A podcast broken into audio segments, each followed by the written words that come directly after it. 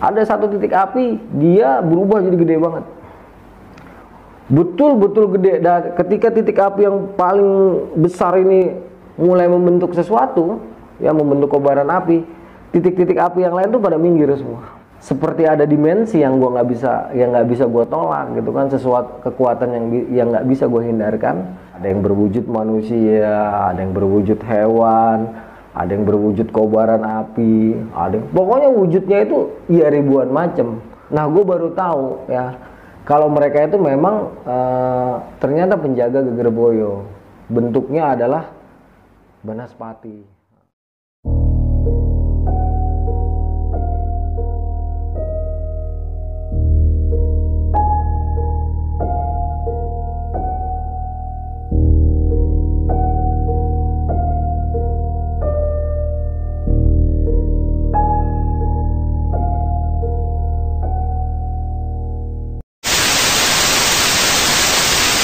Kembali lagi bersama gua Indra di Besok Pagi Channel. Kali ini gua bersama Kang Arya Sena kembali dan ingin melanjutkan tentang video sebelumnya yang berjudul Melanggar Tita Sang Kuncen.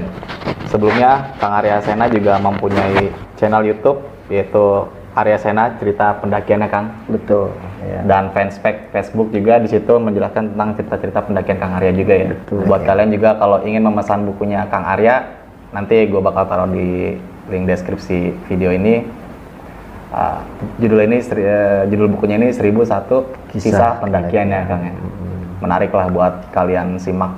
Insya Allah Oke, kita teruskan kembali aja Kang ya tentang cerita kita yang kemarin Kang ya. oke jadi langsung aja nih ya Ha. Jadi di saat itu tuh eh, setelah petir menyambar sekitar setengah jam kan gue ngerasa apa telinga gue tuh seperti gudeg ya sama seperti ada suara nging gitu ya seperti gue bahas sebelumnya. Jadi setelah setengah jam kita mengalami hal seperti itu eh, kita tuh baru bisa buka mata gitu kan dan dengung di telinga itu kan udah mulai berkurang kan. Begitu gue buka mata hal yang pertama kali gue lihat kan geboy Ah, ah. itu gue langsung ngakak liat Gameboy. Kenapa? Karena rambutnya Gameboy itu jigrik. Berdiri gitu. Kang? Berdiri ya. Nah dia tuh gondrongnya masih gondrong tanggung kan, masih gondrong sebahu. Ah. Gue ngeliat rambutnya berdiri, gue ngakak. Gue bilang, boy ngapa rambut lu diri semua gitu kan. Si Gameboy diem aja, nggak lama dia ngakak balik kan. Kata dia, lo nggak tahuin rambut gue jigik.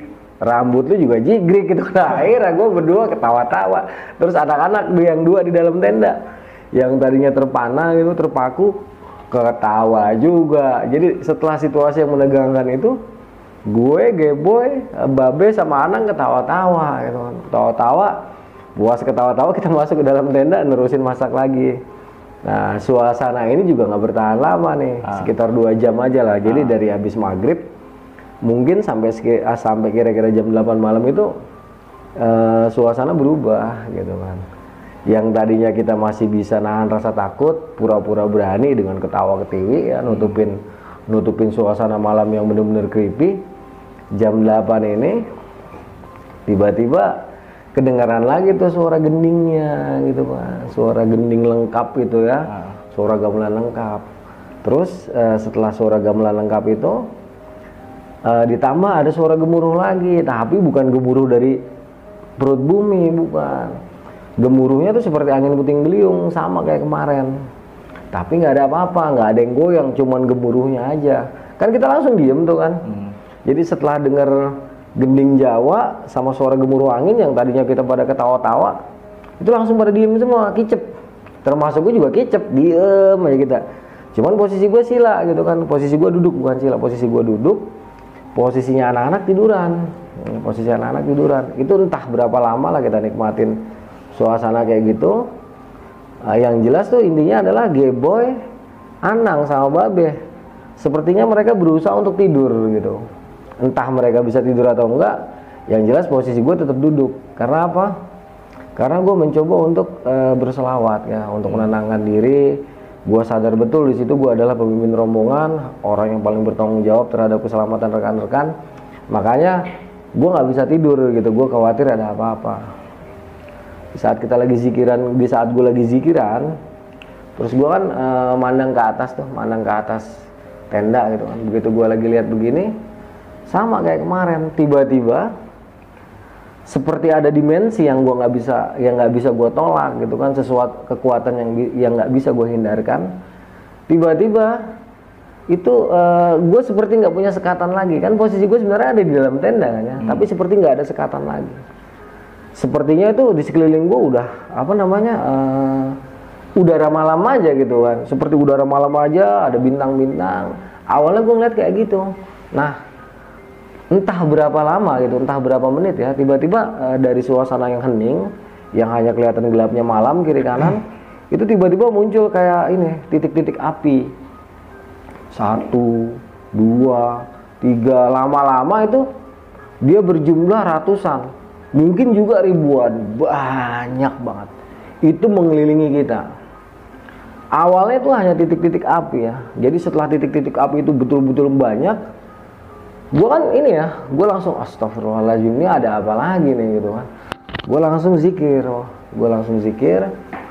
Zikiran gue biasalah subhanallah walhamdulillah wala ilaha illallah wallahu akbar. Itu memang secara apa ya secara langsung tidak berpengaruh terhadap kehadiran makhluk-makhluk ini. Nggak ada pengaruhnya sama sekali. Tetapi makhluk-makhluk ini berevolusi bentuknya gitu kan. Dari mereka hanya sekedar bola-bola api ngebentuklah mereka. Ada yang berwujud manusia ada yang berwujud hewan ada yang berwujud kobaran api ada yang, pokoknya wujudnya itu ya ribuan macam ya tentunya yang berwujud manusia tapi api jadi bentuknya api gitu kan tapi e, berbentuk manusia gitu kan berbentuk hewan-hewan itu banyak banget. Di antara semua wujud-wujud itu nah ada satu titik api dia berubah jadi gede banget. Betul-betul gede dan ketika titik api yang paling besar ini mulai membentuk sesuatu ya membentuk kobaran api titik-titik api yang lain tuh pada minggir semua. Minggir semua mengelilingi dia nih mengelilingi titik api yang besar tadi.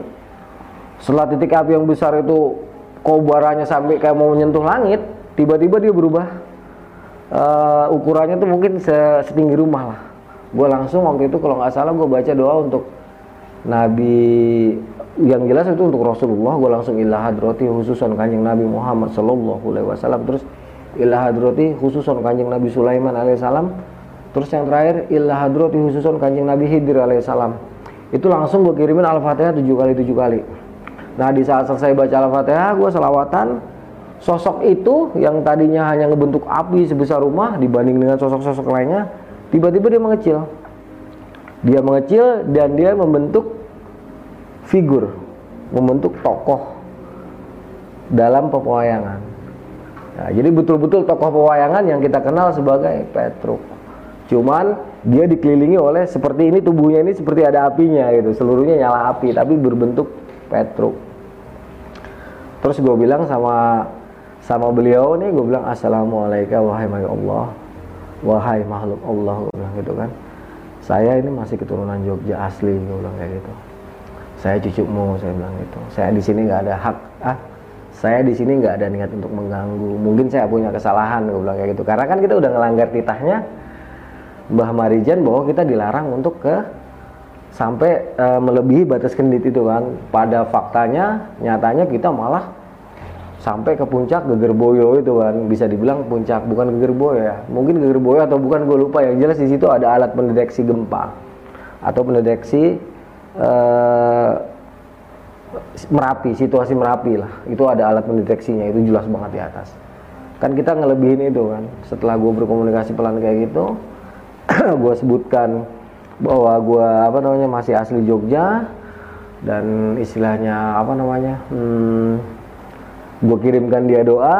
Nah ini mundur tiba-tiba makhluk ini makhluk Petruknya tadi dia mundur. Berikut eh, makhluk-makhluk api yang lain. Itu semua api bro. Api semua. Nggak ada nggak berjenis api.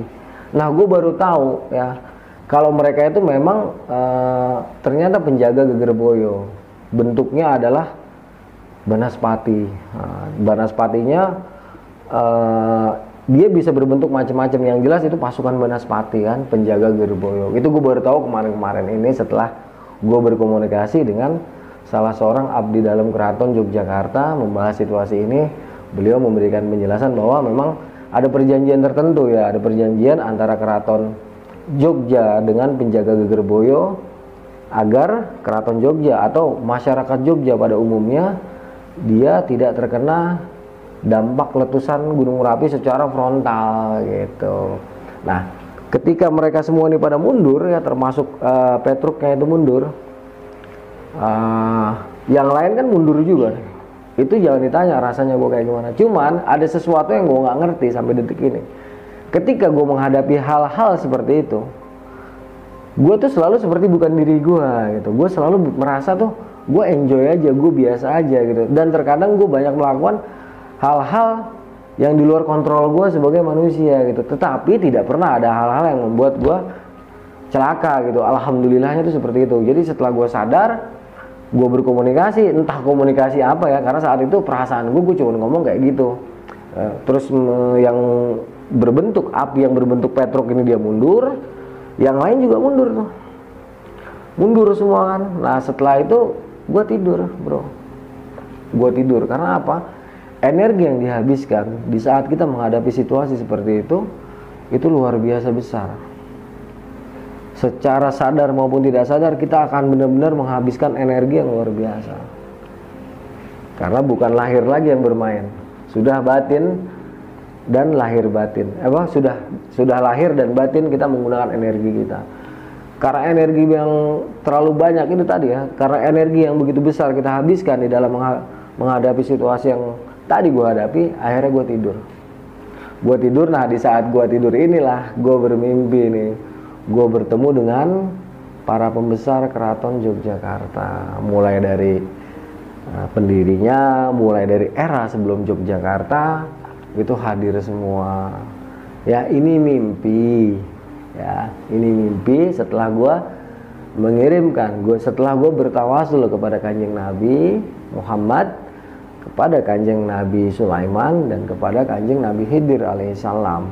Ya, gue bermimpi sepertinya saat itu di area uh, Kendit itu banyak sekali pembesar-pembesar kerajaan Mataram dan pembesar-pembesar kerajaan Jogja berkumpul di sekitar situ. Ya, mereka seperti membuat majelis. Terus makhluk yang bernama Petruk ini ada di tengah-tengah mereka gitu kan. Seperti berkomunikasi nih mah uh, antara para tokoh yang sepertinya para pembesar Jogja dan Mataram itu mereka seperti berkomunikasi. Gue ada di antara para tokoh ini. Seperti gue bilang nih gue ada bukti otentik yang bisa gue yang bisa gue kasih lihat gitu kan bahwa memang gue tuh uh, masih punya darah Jogja yang kuat gitu kan. Entah ini apa hubungannya dengan leluhur gua yang ada di Yogyakarta ya intinya adalah di saat itu di saat gua sedang tertidur tersebut setelah gua bertawasul kepada para nabi tadi para para nabi Allah di sekitar gua kan ada banyak sekali kan para pembesar Jogja dan pembesar Mataram entah apa hubungannya dengan diri gua gua nggak paham. Yang jelas uh, setelah mereka berkumpul dalam sebuah majelis yang namanya Mbah Petruk ini mengizinkan gue untuk melanjutkan pendakian. Intinya gue dapat legitimasi nih setelah ada rapat, ya rapat di dalam mimpi itu ya rapat di dalam mimpi, gue dapat legitimasi uh, untuk apa bukan untuk sih ya. Uh, dapat legitimasi untuk mendaki merapi lagi terserah mau kapan aja lah istilahnya kayak gitulah gitu kan udah setelah selesai uh, mereka semua apa namanya uh, Mbah Petruknya berpamitan, terus gue cium tangan nih sama semua yang menurut gue saat itu adalah para pembesar pembesar Jogja dan Mataram. Gue cium tangan, mereka juga pergi satu persatu gitu kan menghilang. Setelah mereka menghilang, kalau nggak salah itu gue bangun. Gue bangun, situasinya tuh udah sunyi, sepi, nggak ada apa-apa. Nah, Geboy, Babe, Anang, posisinya tidur tapi matanya melek. Tapi mereka nggak sadar gitu. Mata mereka melek. Gua gua liatin kan ini kok anak-anak tidur gitu tapi kok melek gitu. Ternyata mereka ya menyaksikan itu yang namanya penampakan bola api di sekitar kita ya nanti ya setelah uh, setelah nanti mereka gue bangunkan ternyata mereka nih si Geboy cerita nih. Jadi kan mereka tidur merem tuh ya merem. Eh merem. Mereka tidur kan melek tuh semuanya tuh kan melek. Ternyata mereka tuh nggak bisa bergerak. Ternyata bukannya tidur tapi mereka benar-benar nggak bisa menggerakkan tubuh mereka. Dan setelah mereka bisa menggerakkan tubuh mereka mereka baru cerita nih satu-satu. Tadinya kan nggak mau gue bilang udah lu cerita aja lu ngeliat apa nggak apa-apa gue bilang. Gue yang tanggung jawab gue bilang kayak gitu.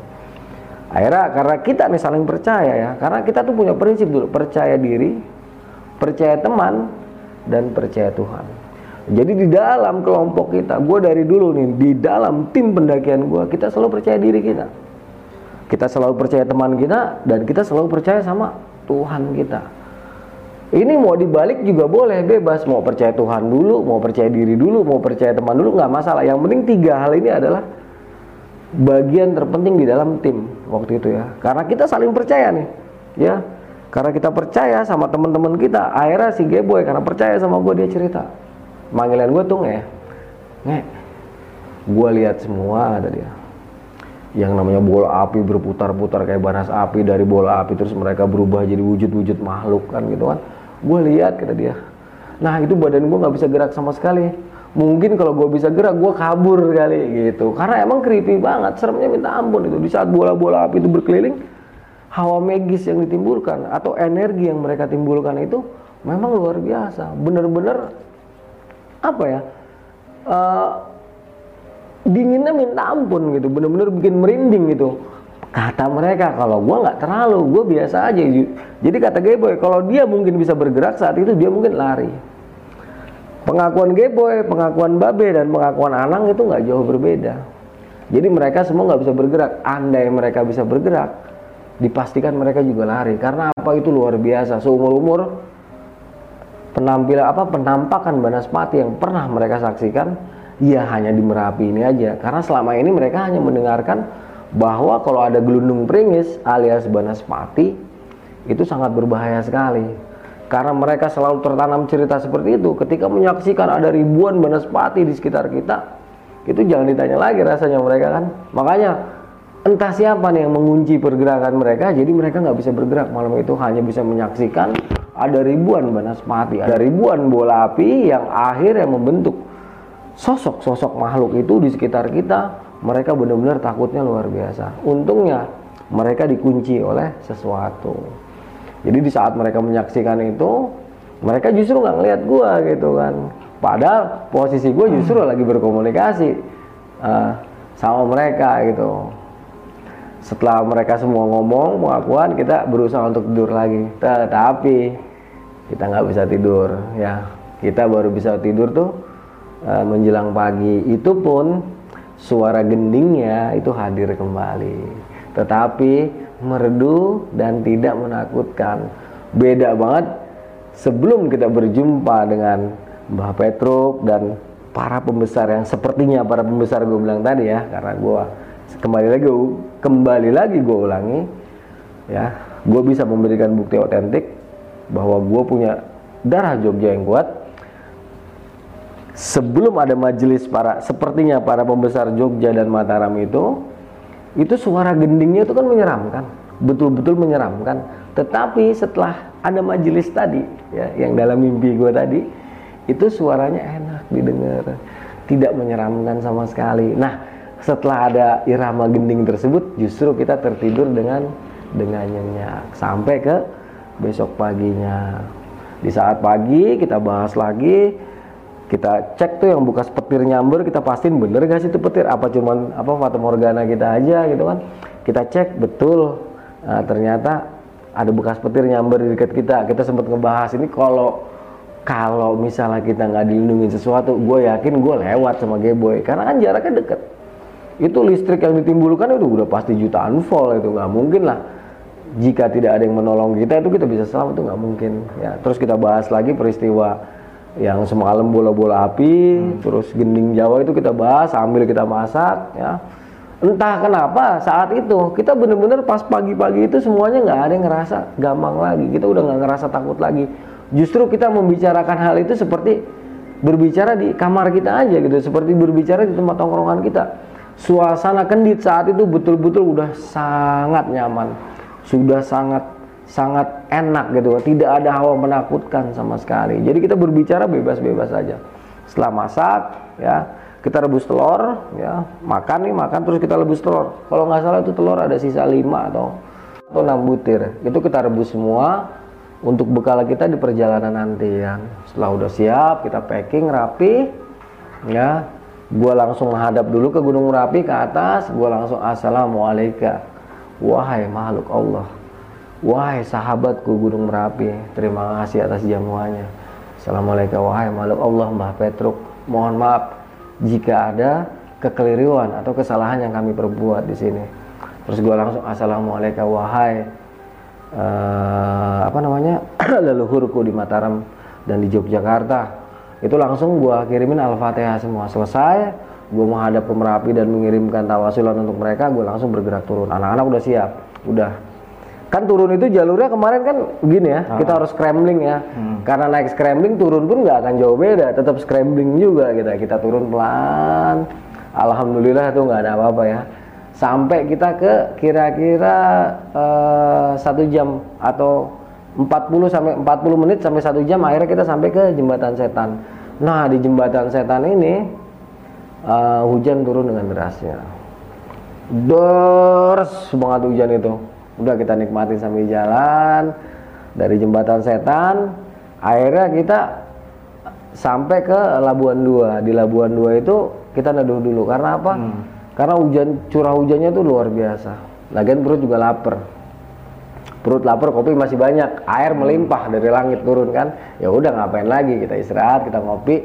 Nah di Labuan Dua ini hawa mistisnya itu pun kembali hadir ya kembali menyengat kulit kita. Tetapi seperti gue bilang tadi seperti gue bilang kemarin ya dia tidak menakutkan kita sama sekali. Di sini memang tidak ada penampakan sudah. Tetapi tetap kita merasakan energi yang luar biasa yang dihasilkan oleh Gunung Merapi sendiri oleh makhluk-makhluk yang ada di sekitar Merapi.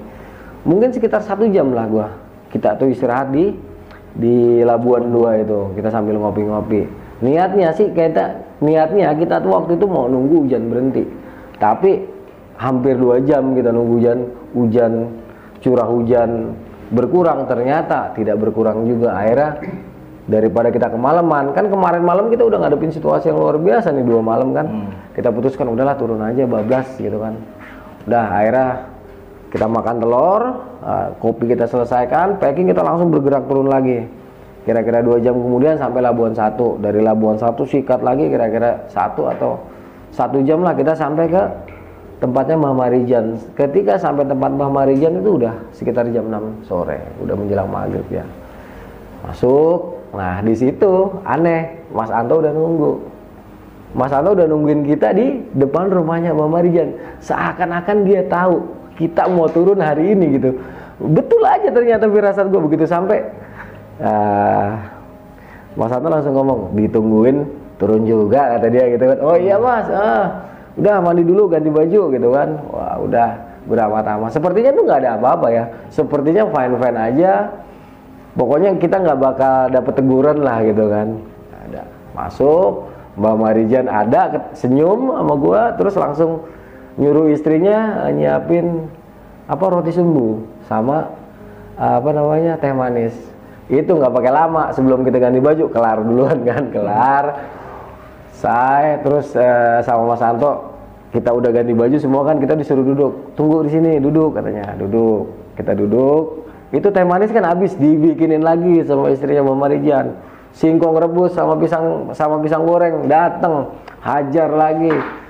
Habis badal isa nggak taunya Mbak Marijan baru uh, mendatangi kita nah di sini auranya udah beda nih Mbak Marijan dia ngelihat kita tajam, tajam matanya nyorot tajam, itu nggak senyum sama sekali, tapi nggak marah.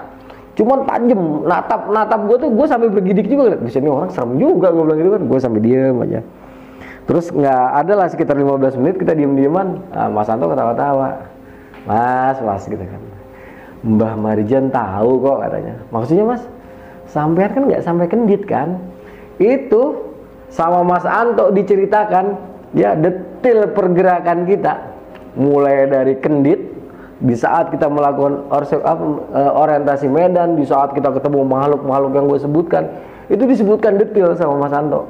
Ya gue bengong semua. Kita langsung pada diem aja terus kita nengok ke Mama Marijan. Mama Marijan yang tadinya tatapannya sangar gitu kan kayak kita gimana sih ya? Dia dia nggak benci gitu cuman kayaknya marah. Wajar lah orang kita bohongin. Jadi dia Mama Marijan setelah natap kita tajam dia senyum langsung dia geleng-geleng terus ngomong yang gue inget bahasanya gini anak Jakarta emang nggak ada yang sopan gitu. Kira-kira bahasanya begitu kan. Udah gue ketawa. Terus kata Mas Anto Mas untungnya katanya. Kalian semua di sini tidak ada yang ditakdirkan untuk menjadi korban di Gunung Merapi apa yang kalian alami ini luar biasa. Wah mungkin saya sendiri yang orang sini ya kalau ketemu dengan pasukan penjaga geger boyo itu saya belum tentu sanggup gitu kan.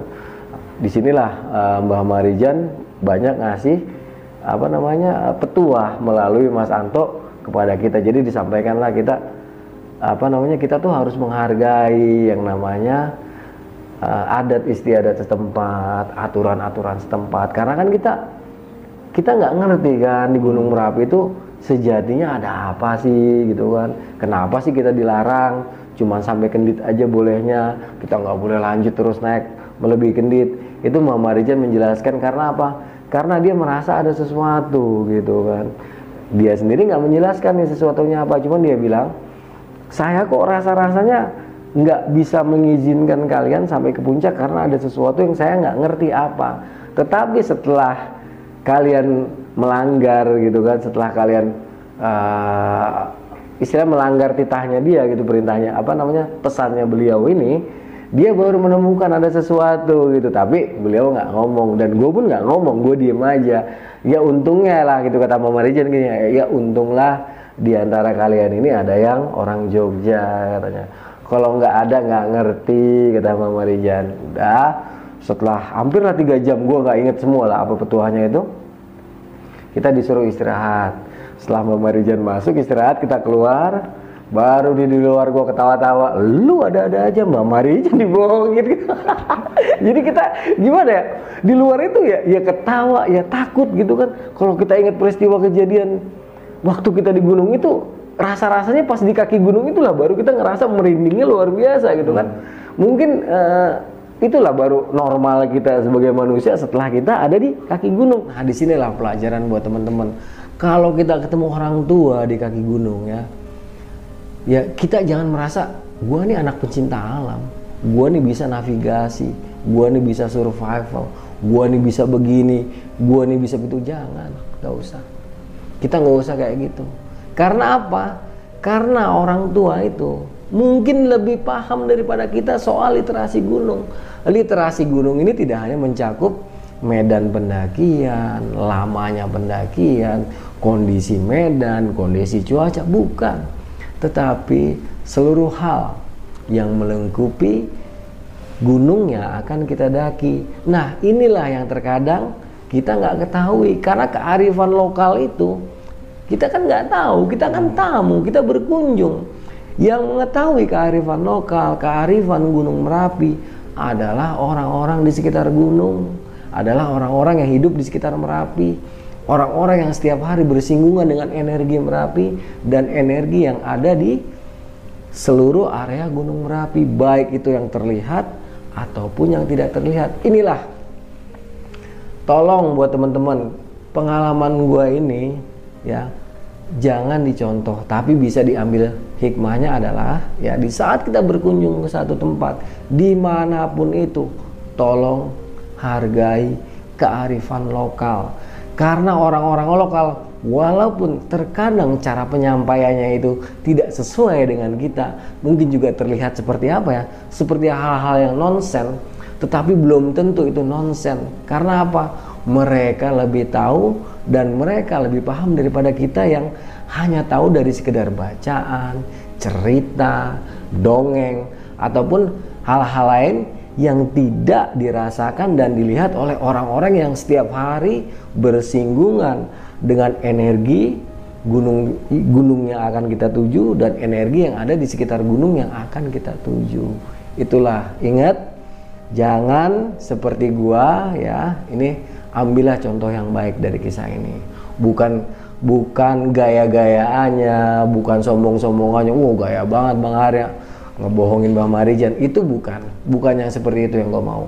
Tapi yang gue pengen buat generasi ke depan ya buat senior senior gue mohon maaf. Buat yang seangkatan juga mohon maaf.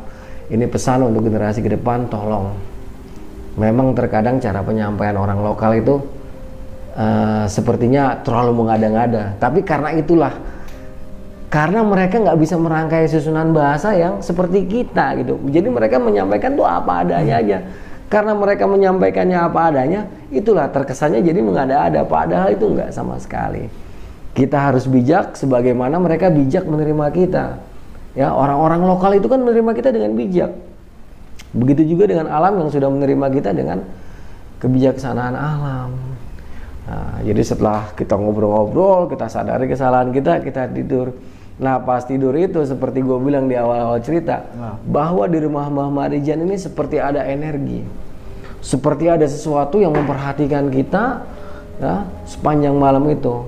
Tetapi lagi-lagi ini nggak menakutkan kita, kita hanya merasa ada apa sih? Kayak ada yang memperhatikan kita gitu, ada energi yang bergesekan dengan kita, tetapi tidak tidak menakutkan kita sama sekali pagi-pagi itu setelah susah payah akhirnya kita bisa tidur pagi-pagi sekitar jam setengah enam eh, Mbah Marijan udah nyambut kita lagi ya setelah sholat subuh beliau. Itu beliau udah duduk lagi di di ruang tamu kita dipanggil lagi dikasih nasihat lagi selama satu jam eh, melalui Mas Anto bahwa apa namanya uh, tindakan kita itu sangat berbahaya gitu kan. Karena ya seperti gue bilang ya seperti gue jelaskan kita tuh nggak tahu apa-apa soal Merapi. Yang tahu adalah beliau. Beliau pun memohon petunjuk kepada Yang Maha Kuasa ya melalui doa, melalui zikir beliau. Jadi beliau tuh akhirnya dapat khobar dari energi yang ada di sekitar Merapi dan menyampaikan kepada beliau. Kan kita nggak bisa kayak gitu. Makanya Mbak Marijen ya, bersyukur bahwa kita bisa turun dengan selamat. Dan untungnya salah satu di antara kita beliau nggak nyebutin siapa ya. Hmm. masih ada keturunan Jogja asli. Kalau enggak kemungkinan besar itu selesai gitu kan. Karena di saat itu ada hal yang tidak dijelaskan oleh Mbak Marijan. Kenapa dilarang sama dia, dia beliau itu nggak menjelaskan. Itulah kira-kira pengalaman gue di Gunung Merapi pada tahun 1997 ini bukan gagah-gagahan bukan untuk dicontoh tapi tolong diambil hikmahnya bahwa orang-orang tua yang hidup di sekitar gunung itu sangat bersahaja dan sangat sayang sebenarnya kepada kita. Hingga mereka tuh selalu berpesan ya kepada kita agar kita selalu menjaga tata kerama kita. Kira-kira seperti itu. Oke. Oke mungkin uh, pembahasan dari Kang Arya ini sangat lengkap sekali ya Kang ya. Di sini juga pengalaman bisnisnya ada tuh terus apalagi tentang sosok yang sangat fenomenal itu Mbak Marijan itu. Mbak Marijan almarhum betul. Kang kalau boleh uh, gua apa namanya kilas balik nih. Mm-hmm. ada kata-kata yang mungkin gua sendiri agak kurang paham nih Kang. Mm-hmm. apa ya kayak sebutan ada kata marka, mm-hmm. scrambling, scrambling, orientasi medan, mm-hmm. terus apa lagi tuh ya lupa tadi. Rappling. Rappling. Oh. Uh. Ya, ya. Mungkin bisa dijelasin kan dan teman-teman juga mungkin tahu juga ya kan. Hmm. Marka itu tanda ya, sinyal. Di mana kita membuat tanda-tanda kehidupan. Jadi kalau kita tidak mengenali jalur yang akan kita lewati, maka sebaiknya kita membuat marka, tanda di mana kita pernah melewati tempat tersebut. Jadi di saat kita kembali, kita akan dengan mudah menemukan jalan ataupun jalur yang pernah kita lewati. Kita tidak akan gambling, kita tidak akan mencari-cari. Karena apa? Di gunung itu semua bisa aja terjadi. Jangan hanya mengandalkan ingatan. Karena visualisasi di saat kita mandang ke atas, kita di bawah mandang ke atas dan dari atas mandang ke bawah itu kadang sangat berbeda. Perbedaan sudut pandang ini juga akan menghasilkan uh, ingatan yang berbeda. Untuk mencegah hal itu terjadi, kita buatlah marka. Apalagi daerahnya kita tidak kenal. Nah, itu marka. Terus apa lagi tadi? Scrambling. Scrambling, Scrambling ini teknik mendaki di dalam hill walking ya. Jadi di dalam mountaineering ini ada hill walking di mana kita berjalan dengan medan perbukitan yang standar yang masih bisa kita lewati dengan menggunakan kaki kita. Dalam artian seperti gunung gede atau gunung-gunung lain yang sifatnya masih bisa kita lewati e, dengan rintangan yang standar. Nah, kalau scrambling, scrambling itu kita sudah mulai memasuki medan yang curam di mana kita membutuhkan bantuan tangan untuk menopang pergerakan kita di lapangan. Jadi, biasanya kalau kita udah mulai menggunakan teknik scrambling ini, medannya udah mulai curam. Mungkin kemiringan antara 70 sampai 80 derajat. Setelah scrambling ini barulah kita masuk ke dalam rock climbing. Rock climbing ini membutuhkan skill ya. Membutuhkan alat juga. Untuk apa? Agar kegiatan kita aman. Yaitu alat-alat standar dalam rock climbing ya. Mungkin teman-teman udah tahu ya kayak car mantel, hmm. carabiner, webbing, kalau ada harness ya harness, magnesium ya. Kita membutuhkan itu. Setelah rock climbing biasanya kita akan ketemu dengan rappelling rock climbing itu teknik mendaki. Jadi medan yang kita hadapi sudah tidak bisa dengan scrambling sudah tidak bisa menggunakan teknik hill walking dan scrambling. Tetapi harus menggunakan teknik rock climbing. Biasanya medannya udah 90 derajat. Itu membutuhkan skill juga alat-alat tambahan. Begitu juga dengan rappelling. Karena kalau rock climbing udah pasti temennya rappelling. Kita akan ketemu teknik turun tebing. Nah dalam turun tebing ini dalam rappling ini banyak tekniknya. Ada teknik standar ada teknik komando gitu kan. Rappling itu uh, kita bergerak menuruni tebing dengan menggunakan tali pengaman. Terus apa lagi? Tadi satu lagi? Orientasi medan. Orientasi medan adalah kita uh, mempelajari medan mempelajari lokasi yang akan kita tuju. Seperti kontur punggungan ya di mana kita harus jadi kita bisa menentukan di mana nih uh, punggungan yang nggak putus. Punggungan yang bisa mengarah ke puncak atau punggungan yang terdekat mengarah ke peradaban.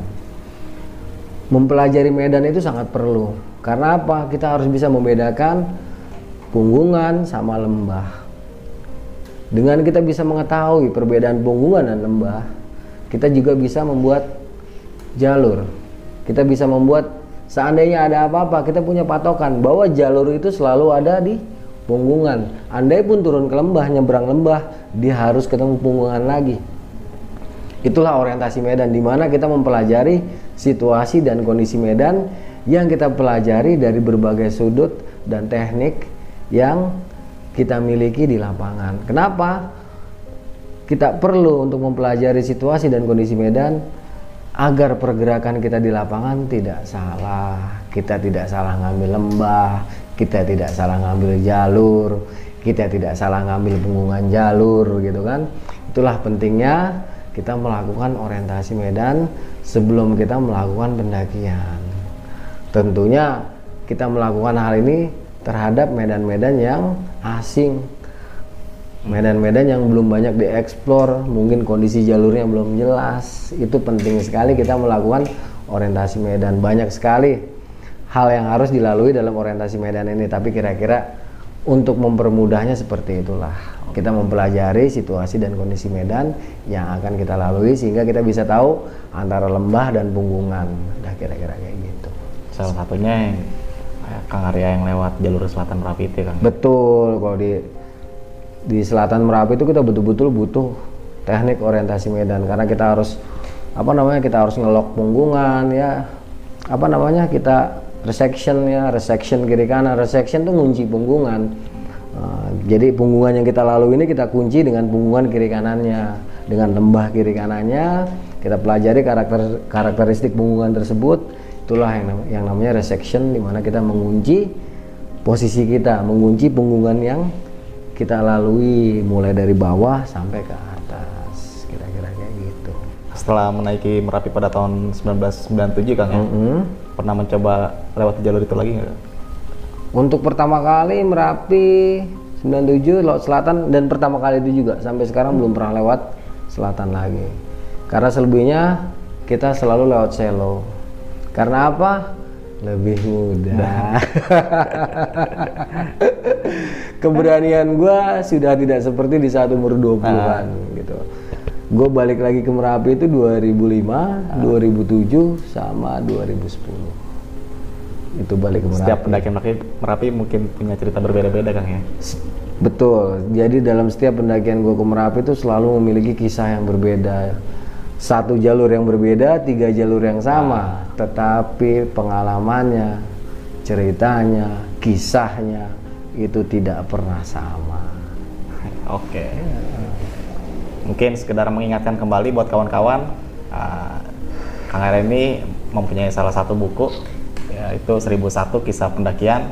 Di dalam buku itu perjalanan Kang Arya selama pendakian itu ditulis semua di situ Kang ya? Eh, hanya lima. Hanya lima. Jadi periode awal. Dan nanti akan mau rilis lagi Kang ya? Betul. Insya Allah bulan Maret 2021 antara Maret sampai Mei lah Insya Allah akan rilis lagi buku kedua yang mengisahkan hmm, seputar peristiwa besar 98 karena pendakian gue itu pas tahun 98 di mana ada pergolakan politik pergolakan nasional yang luar biasa sehingga menimbulkan pergeseran kekuasaan. Di saat itulah gue melakukan sebuah pendakian. Nah itulah yang akan gue tuliskan. Jadi latar belakang 98 diisi oleh kisah pendakian gue dan ditutup juga dengan peristiwa Semanggi 1 pada bulan November 1998 Yang akan dirilis di bulan Mei. Insya Allah akan rilis. ini, Kang, ya? betul 2021 ini. Mudah-mudahan lancar Amin. Nanti buat kalian kalau mau pesan bukunya bisa langsung sama Kang Arya kan? ya? betul nanti dikasih nomor pemesanannya Oke, mungkin itu aja pembahasan gue bersama Kang Arya tentang pendakian Gunung Merapi pada tahun 1997 yang berjudul Melanggar Titah Sang Kuncen. Dari gue Indra dan Kang Arya ya. Kang? iya Sampai jumpa di video-video